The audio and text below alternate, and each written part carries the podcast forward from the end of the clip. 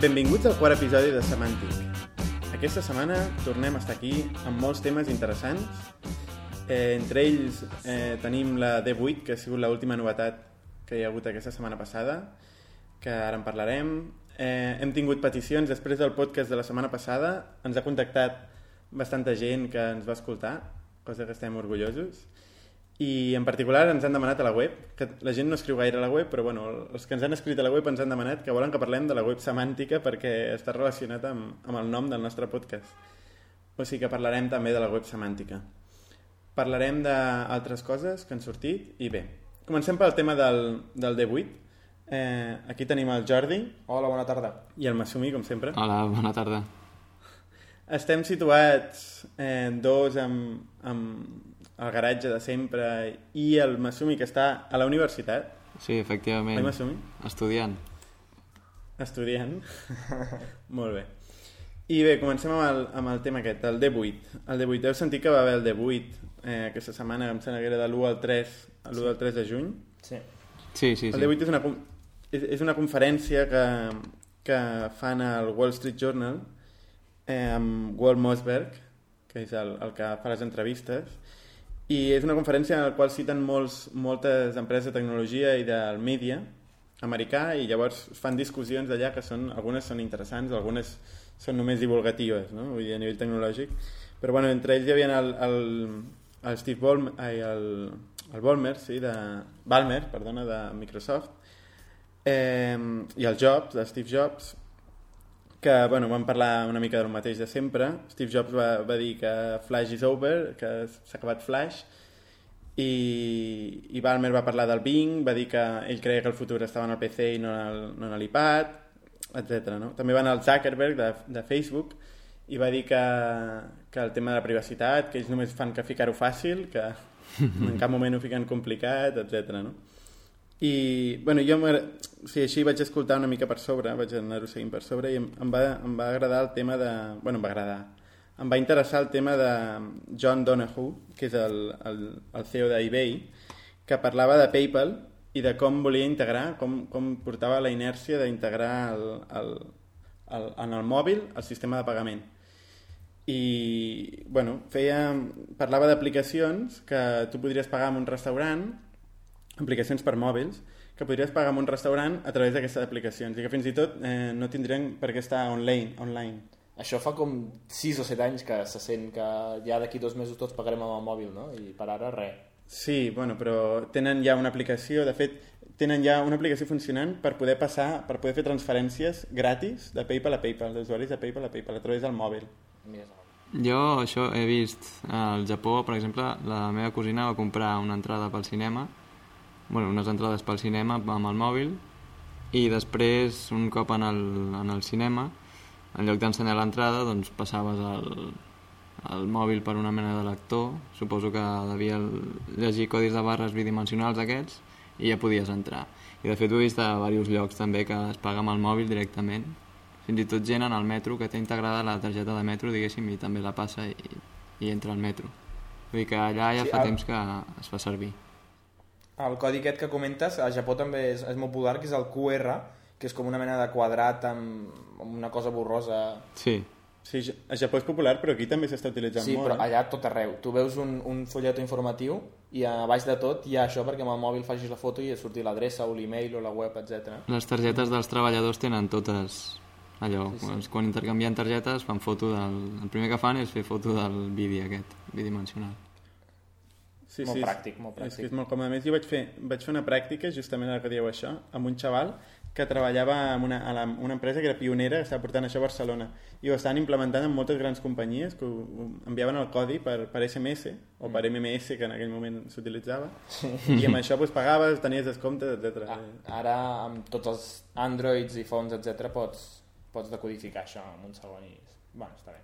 No, el que està clar és que eh, eBay, justament el tio aquest que parlava d'eBay, em veu els seus beneficis incrementadíssims eh, a través dels, dels iPhones i iPads, o sigui, és la persona que està més desitjant que surtin aquestes coses, perquè del, del primer dia que va sortir l'iPad ja hi havia l'aplicació d'eBay i bueno, diu que han descarregat un bilió de- de- d'aplicacions, una cosa superbèstia. No? És que quan estàs a eBay estàs tota l'estona mirant com va la puja, si algú ha entrat, no sé què, vull dir que realment portar-ho sobre és una bona idea.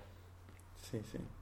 I bé, sobre, sobre la D8, bé, el, també comentar que el, el Steve Jobs, això que va dir que, que Flash is over, que realment ell, ell diu que és un, és un problema de performance, que ells no volen ficar en el seu iPhone el Flash per un tema de performance, però l'altre dia vaig també veure una, una entrevista que van fer en Gadget al CEO d'Adobe, que deia que ells havien, els havien demostrat a Apple mil vegades com um, vull dir, funcionava més ràpid que els seus sistemes. Vull dir, tenia una versió per, per iPhone que podia funcionar més ràpid que els seus sistemes. Mm, com, que no hi ha, com que no es pot provar, vull dir, es pot provar com una aplicació standalone, però no es pot aplicar, provar com un plugin perquè no ho permet Apple. Però amb aquesta aplicació standalone ho va portar allà a l'entrevista aquesta que li van fer en Gadget i ho va demostrar com anava amb, amb els típics, les típiques cosetes d'aquestes que mesuren els frames. Benchmarks. Ah, sí, els Sí. benchmarks per aquests. segon. Sí, però que surt com un, com una, com un gràfic que van sortint tot de, tot de puntets que es van movent. Sí, sí, Mm. sí, sí. I, bueno. I, i bueno, eh, parlem de la web semàntica. Parlem de la web semàntica, que és el, el que ens han demanat. I... Espera, que ens hem saltat d'Apple i l'HTML5 Ah, sí. el tema aquest, que També aquesta setmana veritat, parlat ara- molt de, ara que ho dius, sí, sí. el showcase sobre les fantàstiques característiques d'HTML5 per exemple en l'iPad on t'expliquen en la pàgina web d'Apple tenen un apartat especial on t'expliquen tot el que pots fer gràcies a l'HTML5 per exemple, si obres... demos, Sí, no, o sigui que està molt bé, és cert, l'HTML5 és collonut, però si entres a aquesta pàgina amb el Google Chrome, per exemple, que és un navegador que compleix igual perquè té el mateix motor de fons de, que el Safari o WebKit, entres en aquesta pàgina i quan intentes fer una demo et diu oh, no pots fer-la perquè has de fer servir Safari. I, i Chrome és més avançat que, que Safari amb HTML5 i, bueno, Exacte, això. és el que anava a dir. Si tu mires a, la, a una pàgina que es dedica a veure els tests, que es diu html5test.com, eh, realment eh, en- mostra que dona més puntuació al Chrome que al, que al Safari. Sí, sí. O sigui que, I en canvi amb Safari no pots entrar. Però això és, això és molt curiós, però el més, el més graciós és que amb, amb, el, amb el Safari de l'iPhone també et sortia el mateix missatge. He vist al Twitter Ah, sí? gent que ficava la- l'escreenshot hòstia. de l'iPhone amb aquest missatge. Això ja no ho he mirat. Sí, això, de, però de fet, he mirat a la, a la pàgina web aquesta d'Apple, és per defensar una mica l'altra postura, no? I, clar, en, la introducció del text et diu mireu, aquestes són unes demos que us demostraran com de bé funciona el Safari amb HTML, amb HTML5. Sí, clar, t'estan dient que et volen demostrar com funciona Safari. I hi ha gent que diu, clar, si et volen demostrar com funciona el Safari no et deixaran accedir amb Chrome, perquè llavors Però estarien la mentint, gràcia no? no? la té Safari, la gràcia la té HTML5 i Safari està molt bé perquè el compleix i... però el mèrit no és d'ells, és No, no, està d'HTML5 clar. i, Però clar, en, la, en el text aquest volien, volen com dir que, veieu, Safari va molt bé amb això. I, bueno, no, Sí, està sí, mal sí, fet, està clar, però... Aviam, sí. Però fixa't una cosa també, que parla HTML5, HTML5 i els estàndards de la web. I comença a parlar de lo bons que són els estàndards de la web i tal. I resulta que després ni estàndards ni merdes, que només funciona amb el seu producte. Sí. Bueno, però estàndard sí, eh? Apple segueix l'estàndard. El que passa és que a la pàgina web només deixen que funcioni amb ells. Són coses diferents. Tenen un, Heta, això sí, però, Sí. però ells segueixen l'estàndard. Bueno, de totes formes, si vas a la secció de developer pots provar-ho amb, tots els, amb tots els navegadors, eh? Sí, sí. Jo ho, ho he vist i... Però la web de màrqueting ja te l'han fotut. Sí. I després que el, el showcase aquest tampoc és tan impressionant. Jo m'esperava molt més, eh? Bueno, Realment sí. el que t'ensenyen tampoc és... Vull dir, està bé, però ja, ja, ja, ja Sobretot ja, si no entens el que hi ha a fons, perquè una persona normal està acostumat a veure efectes 3D, vídeos, eh, efectes especials amb Flash Clar. o amb altres Ja, històries, i diu, pues és el de sempre. Clar, el que no entenen és que està fet tot amb HTML, pues que els importa un pepino. Clar. En el fons no els importa un pepino, però a simple vista sí. I una altra crítica, una altra crítica que m'agradaria fer és que diu molt CSS3, tot està, vull dir, la, la majoria de coses estan fetes amb CSS3 i després mires el JavaScript i són 700 línies de codi, vull dir, No, però el JavaScript no passa res. Mm, sí, per, però- Per fer, però per fer aquestes coses no n'hi ha prou amb, amb CSS per moltes coses, vull dir. bueno, però t'estalvia molt, t'hauria d'estalviar molt la feina és el que es diu, no? També, vull dir que també t'hauria d'estalviar JavaScript Sí, una moltes mica, coses que sí, una mica actualment efectes i coses així, Clar. està, està clar que s'haurien de fer només amb CSS. i en canvi continua sent bastant pesat Sí, el. JavaScript, eh? Sí. Però bueno, Ah, espera't, una última cosa que m'he recordat del, del, del D8, que jo estava pensant, D8, D8, és la cosa que abans es coneixia com el All Things Digital, el, el D8, i ara he sentit que tothom parla del D8 i ningú parla del All Things Digital. O sigui, això de D8 abans em sembla que no se li deia. Ah, vols dir la, la, la, conferència. la conferència All Things Ah. Digital. L'any passat també van entrevistar, van fer un cara a cara Bill Gates i Steve Jobs, que Sí, va ser sí, molt sí, interessant, sí. i no es deia D8, es deia All Things Digital. sí, bueno, es I- continua dient bueno, all, all Things Sí, Digital eh? però, però sí, és una D8 cosa nova, això del D8. Del, Sí, no nom, sé, però, no sé per si algú diu diu, hòstia, vale, ja sé el que és. Vale. Bueno, ara sí, podem parlar de la web semàntica? no, doncs eh, fem honor al, al, al Pere, Pere Jota, que ens ha escrit a la web, i parlem de la web semàntica. Bueno, la web semàntica no és més que un concepte que va néixer amb, amb la pròpia web, que era com formatar els continguts online de forma que no només les persones puguin accedir-hi, sinó també les màquines. És a dir, que les màquines puguin entendre, indexar, classificar el contingut. Què passa? Que durant molts anys eh, s'ha utilitzat estàndards com HTML, dels quals s'ha anat abusant molt, i han anat perdent la part semàntica que tenien en, en un origen, eh, tenien prevista. I eh, ara, actualment, s'està reciclant molt aquest concepte i, i es vol, es vol tornar, bueno, se'n torna a parlar. No? Vosaltres Eh, Masumi, sí. eh, explica'ns alguna de la web semàntica. Bueno, bàsicament, eh, jo el que, el, que, el que he estat veient aquests dies també és que es, bueno, estic fent una assignatura que es diu Aplicacions de la Intel·ligència Artificial i hem parlat una mica del tema també. Hem parlat dels estàndards que fan servir com a, com a base, utilitzant l'XML, el RDF per a, per a la representació interna, del coneixement sobre un recurs, per exemple, eh, fan servir OWL, o no sé si el coneixeu, per representar l'ontologia, o sigui, els elements que intervenen en un cert context i les seves relacions, i actualment també està rebent crítiques perquè diuen que, clar, la gent a l'hora de decorar internament les seves webs, amb els tags, els metatags aquests que diuen, podria posar coses falses per tal de desviar els resultats, les cerques i enganyar els navegadors, no, diguéssim, però bueno, això és una de les crítiques que té. Tenim exemples de pàgines web que funcionen amb això, el Wolfram Alpha, un buscador que està prou bé, no sé si l'heu provat també, que bueno, pots buscar, per exemple, el president dels Estats Units i et diu qui és i et, diu, et dona una llista. O sigui, no, no, et, no et retorna una llista de pàgines web, sinó que et diu la resposta, diguéssim, no? Llavors, eh, la web semàntica bàsicament està, intenta que peces de software puguin entendre-les, no? el que se'n diuen agents intel·ligents. Però clar, què és un agent, no, exactament? Bueno, és una entitat computacional, diguéssim, capaç d'actuar autònomament en algun entorn, però en aquest cas la web, per tal de complir els, els seus objectius. Llavors, per, perquè es pugui dir que és un agent, ha de ser capaç de percebre i actuar l'entorn en temps real. A més, ha de ser reactiu, proactiu, o sigui, tenir iniciativa, i tenir habilitat social també, o sigui, ha de ser capaç d'interactuar amb altres per cooperar o fins i tot per competir, no? I llavors, bé, també per defensar aquesta crítica que li fan de, a la web semàntica, de, la gent podria posar metatags falsos i tal, doncs comentar que, clar, que la, la, el raonament que hi ha darrere dels, dels agents, bueno, hi ha un dels raonaments que fan servir que és el BDI, que ve de Beliefs, Desires and Intentions, que fan servir la lògica modal, que és, bueno, és una extensió de la lògica formal que, pretén, bueno, que inclou elements com possibilitat, necessitat, obligatorietat, creença, i això, barrejat amb un sistema de reputació, permet, per exemple, que els, els agents actuïn segons la reputació d'altres agents o fins i tot de pàgines web.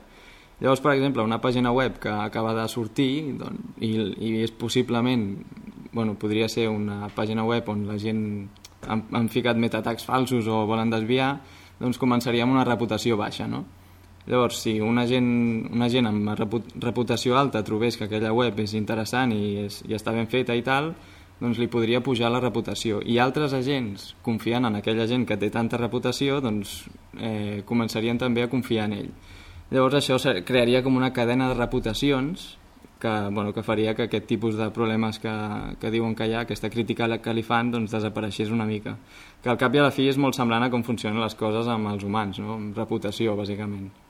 No sé... Sí, però el que, el que anava a comentar jo, que això, de fet, ara amb el, amb el protocol que s'està utilitzant ara mateix, amb HTML, és, passa exactament el mateix. Vull dir, ja ha passat que la gent ficava tags allà per formatava els textos que no es veiessin per fer-los invisibles, amagava les coses i ficava tots els textos que donen més, més resultats a les cerques. I, i però això... això ho castigava Google, Clar, és però que no això... la web. O sigui, Clar, això Google, és el que no entenc. Google ens ha introduït una mica... El, o sigui, ell ha estat un dels que ha forçat el, el canvi a web semàntica, que és tot això que ens explicava Masumi, que semblava una classe de llenguatge de programació gairebé, molt interessant. Doncs això una mica s'ha anat canviant gràcies a Google i gràcies als feeds també, per exemple, els, els feeds de, de blogs, de podcast com el nostre i coses així, és això, no? és informació sense merda, només la informació, Sí. perquè la puguis llegir des d'un altre programa, des de la puguis enviar a un altre sistema i, per exemple, rebre un email, no sé, tot la informació circuli i no només perquè la miri una persona, no? Vull dir que una mica són exemples de passos cap a la web semàntica que ja tenim entre nosaltres, no? M'assumir, més o menys? Sí, sí, sí, exactament.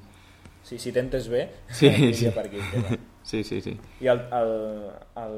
Ai, se m'ha anat el Sant Alçat. De totes formes, és un concepte que, que, bueno, que és bastant abstracte, eh, encara, vull dir, no, Sí. no és que es pugui dir, bueno, ja és un producte, és com HTML6 serà...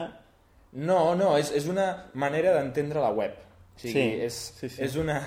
Sembla una xorrada això dit així, però sí, però és això. Vull dir, és, quan fas una web l'has de fer pensant que la veuran humans, veuran altres passejadors, o sigui, programes que busquen altra informació, la veurà un dispositiu mòbil, la veurà una persona que és invident i que, per tant, si la web, per exemple, compleix, de, de, depèn de quins protocols, podrà agafar la informació, transcriure-la, o, bueno, al contrari de transcriure-la, reproduir-la per àudio, no sé, moltes coses, no? I que si fas una web així amb HTML, amb format al mig, amb JavaScript sense criteri, doncs tot això es perd. Sí, però bueno, com tu dius, els feeds, per exemple, doncs són una manera d'abstraure qualsevol pàgina Bueno, i, és un pas. i crear-ne un contingut. És que estan dins del que seria web semàntica, un feed.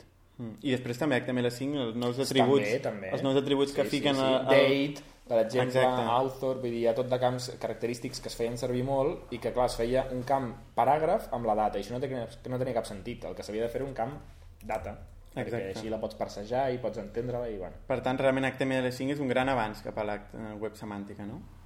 Sí, sí, ajudarà bastant.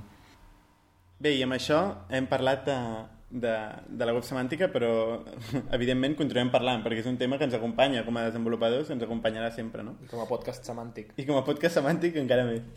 I semàntic, per cert, eh, un concepte que em vas comentar fa poc de- d'un tema de, de control de versions, no? Que es deia semàntic també. Sí, Comenta. control de versions, sí, sí, de fet està molt relacionat. És el, el que en diuen semantic versioning, que és una cosa que va fer... Bueno, és un document, de fet, és un document que vol ser un protocol, va fer el, un, un home que es diu Tom Preston Werner, que no és gaire famós, si ho dius així, però és el cofundador de GitHub i el creador de Gravatar. O sigui que Ah, sí? aquest tio, aquí on el veus, mm, no se'l coneix molt fora del món de GitHub, però, però bueno, sap, sap el que es fa. Sí. Doncs Semantic Versioning és el que aquest home va, va decidir que la gent canviava les versions de les programes, frameworks, etc amb una lleugeresa increïble. O sigui, tu passaves de l'1.9 a l'1.9.1 i t'havien trencat totes les APIs, per exemple. O sigui, un programa que funcionava amb 1.9 no funcionava amb 1.9.1, per exemple, amb un llenguatge de programació com Ruby, o un framework com Ruby on Rails. Passaves de 2.2 a 2.3 i et trencava un programa que funcionava amb 2.2. No? I aquest home va dir, bueno, jo intentaré arreglar això com a mínim en el submundillo Ruby Git, que està bastant relacionat, i ha creat un document, estàndard, perquè qualsevol persona que vulgui seguir-la la segueixi i ho comenti, que t'explica què significa canviar de versió. Ell decideix que una versió està descomposada en tres elements. Un- Una major version, una minor i un patch, un, un pagat. Llavors, per exemple, tu comences pel 000. Aquí no hi ha, no hi ha versió. O sigui, quan crees el readme 8 és el 000.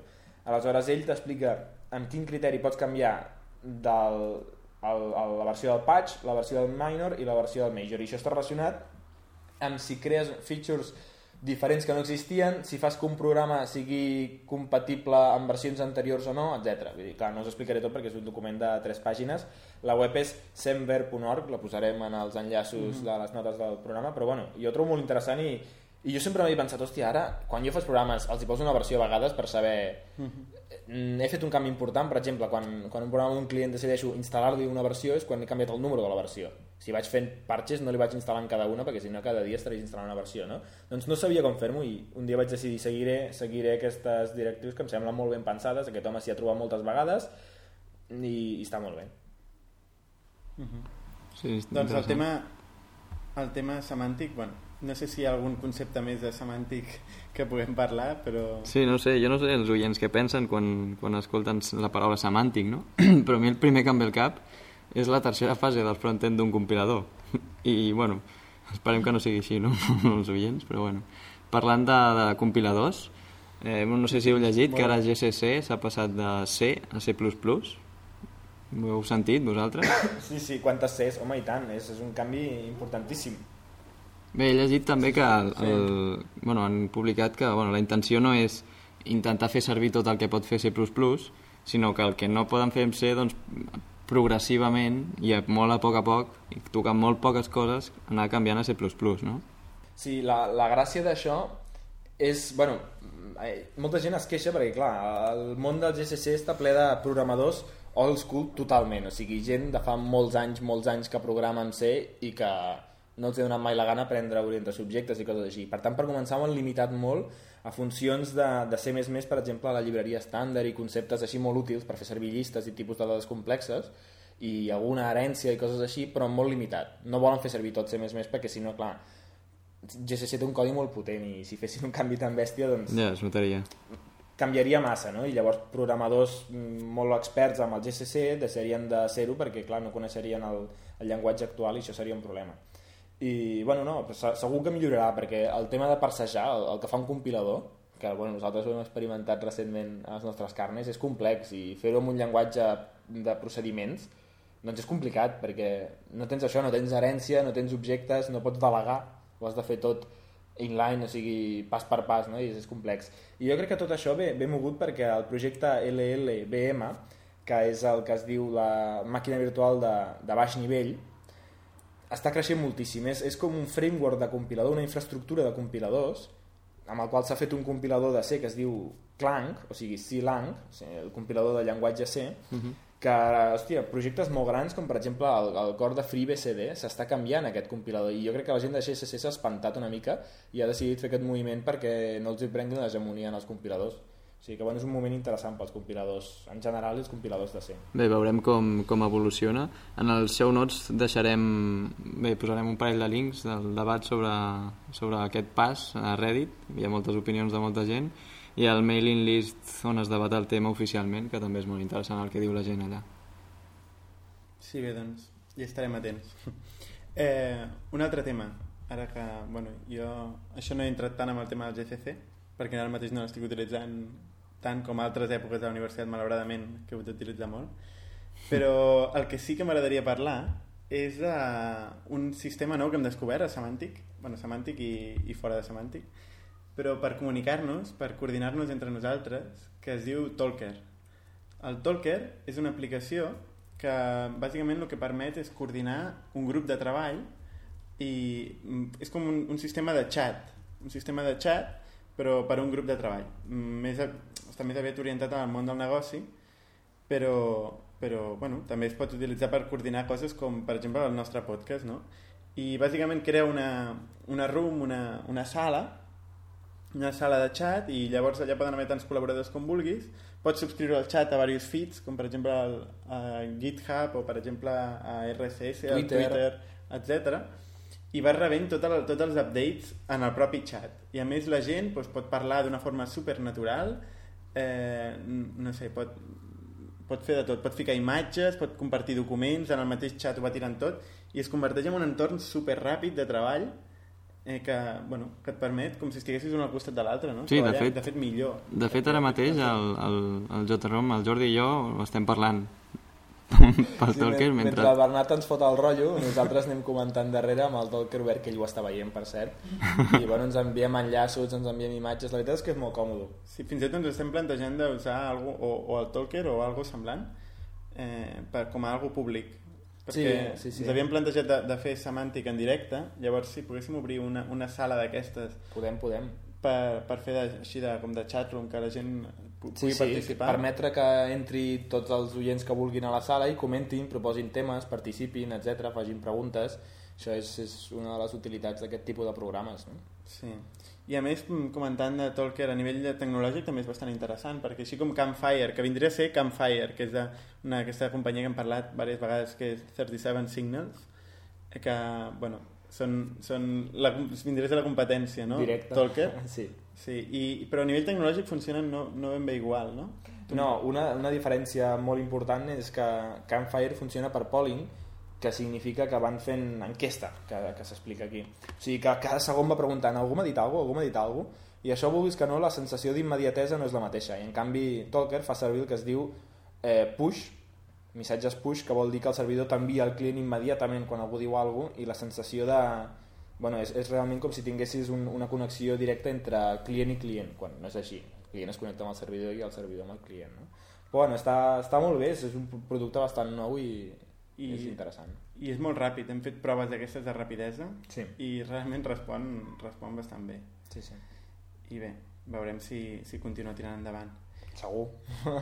I, I una altra secció que... Ah, sí, una cosa que volíem proposar és crear una secció de, de, de trucs, consells i trucs al final del podcast. O sigui que ara...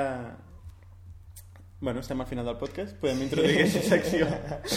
és la, la primera edició d'aquesta secció amb Exacte. aquesta introducció brillant. I tenim, tenim algun truc aquesta setmana que puguem proposar a la gent? Sempre tenim trucs. Sí, Per exemple, eh, a- per- arrel del, del Talker una cosa que fem molt és enviar-nos eh, Ah, sí. eh, captures de pantalla i hi ha un servei barra aplicació per Mac que es diu TinyGrab, que posarem també un enllaç, que el que fa és que converteix les captures de pantalla que fas amb el Mac en una imatge, bueno, això es fa sol, però la pugen a un servei gratuït i et, et retorna un, un link en el portapapeles.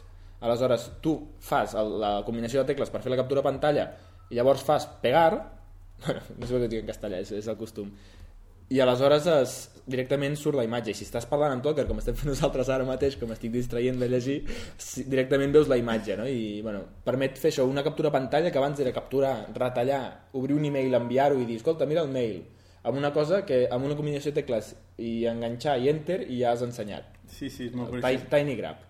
Si estàs en un, en un, en un xat o alguna cosa, és, Sí. és fantàstic. Vull, vull comentar que han tingut problemes econòmics perquè és un servei gratuït i no podien pagar el servidor i tal i recomanen que la gent agafi la versió de pagament que val 10 lliures o 10 euros i llavors tens espai il·limitat i si algú els hi fa una mica de pena doncs apa, que vagi cap allà. Ja sabeu, si Bueno, jo, ja sabeu. jo volia comentar també una, una aplicació que és l'alternativa, és exactament el mateix, es diu Cloud, Cloud App, també posarem un link al seu notes, i fa mo eh, és molt semblant, però em sembla que quan, quan fa la captura de pantalla o quan fas la captura del que sigui, et guarda ja directament en el, en el portapapers la- l'adreça la, d'on està aquella imatge pujada, no? Es puja també en un servidor. Clar, això no sé si es pot desactivar, no vaig arribar a mirar, però algun cop em va, em va, em va fer alguna, alguna jugada, no? perquè tenia coses guardades al portapapers, vaig fer una captura i, i quan vaig anar a enganxar-ho hi havia una imatge allà, no? Llavors, clar. No preguntarem com era la imatge. Però bueno, sí, deixarem aquesta adreça també, que és molt semblant a TinyGrab. És, és molt nou això de Cloud, realment també n'havia sentit a parlar i em sem- sembla que és nou de mesos això. Sí, sí. També és molt pràctic. I última cosa, última cosa que com voldria comentar jo, que també 3 com a màxim, eh? De trucs, 3 com a màxim. És el, el, el, els grids. Els grids, quan fas una pàgina web, tenir un, un grid de CSS eh, que hi ha de, des de l'inici per poder posicionar la, els containers, el, les barres, les coses dintre de la web, doncs eh, va molt bé tenir un framework, un framework de CSS que almenys et restarti tot el, totes les propietats del, del, del, El layout. Del layout, Per- per- gràcies. Per aviam si aconseguim fer una frase sense dir cap paraula en català. El grit del layout, del restart, Bueno, llavors jo sempre havia utilitzat Blueprint, que va molt bé, realment. que fa més coses a més a més Sí, d'això. si busqueu veureu que també té tipografies, també té diverses coses, no? Et Dona lo, lo bàsic per... Ah, problemes típics de CSS te'ls arregla, Sí. només important això. Sí, però fa poc vaig descobrir també el 1 kilobyte grid que està fet per un, per un dissenyador, un dissenyador que ara... Ah, sí, el Tyler Tate, que, bueno, també l'he estat mirant aquest home i és bastant interessant les coses que ha fet a nivell de disseny. Però bé, lo interessant és el, el grid aquest que té, que ocupa només un kilobyte i que et permet personalitzar-te'l tu. Des de la pròpia web d'un kilobyte grid, te'l personalitzes, tries que, quan vols les columnes, quan vols l'amplada de tot, Quantes te'l- columnes vols? quantes columnes vols, etc i te'l baixes i ocupa un K. O sigui, realment no, per la pàgina no és cap mena de càrrega. I és molt interessant. I bé, jo crec que podem deixar-ho aquí. Hem fet un, un spot aquesta setmana de Semàntic. Bueno, l'ha fet el Masumi, No, no, no és veritat. L'ha fet el Bernat i el Masumi l'ha ajudat fent la narració. però l'àudio l'ha fet l'expert en, en spots. Sí, no veig, és expertícia. I bueno, us, us farem una preview ara. Aquí la teniu. Parlar, Bé, teníem pensat parlar de l'aplicació web. escoltar, Saps exactament què està fent, pensant, pensant. i tot... Compartir. Hi ha una cosa que volia comentar que també vaig pensar quan... Ha nascut Semàntic, el nou podcast en català sobre noves tecnologies i informàtica.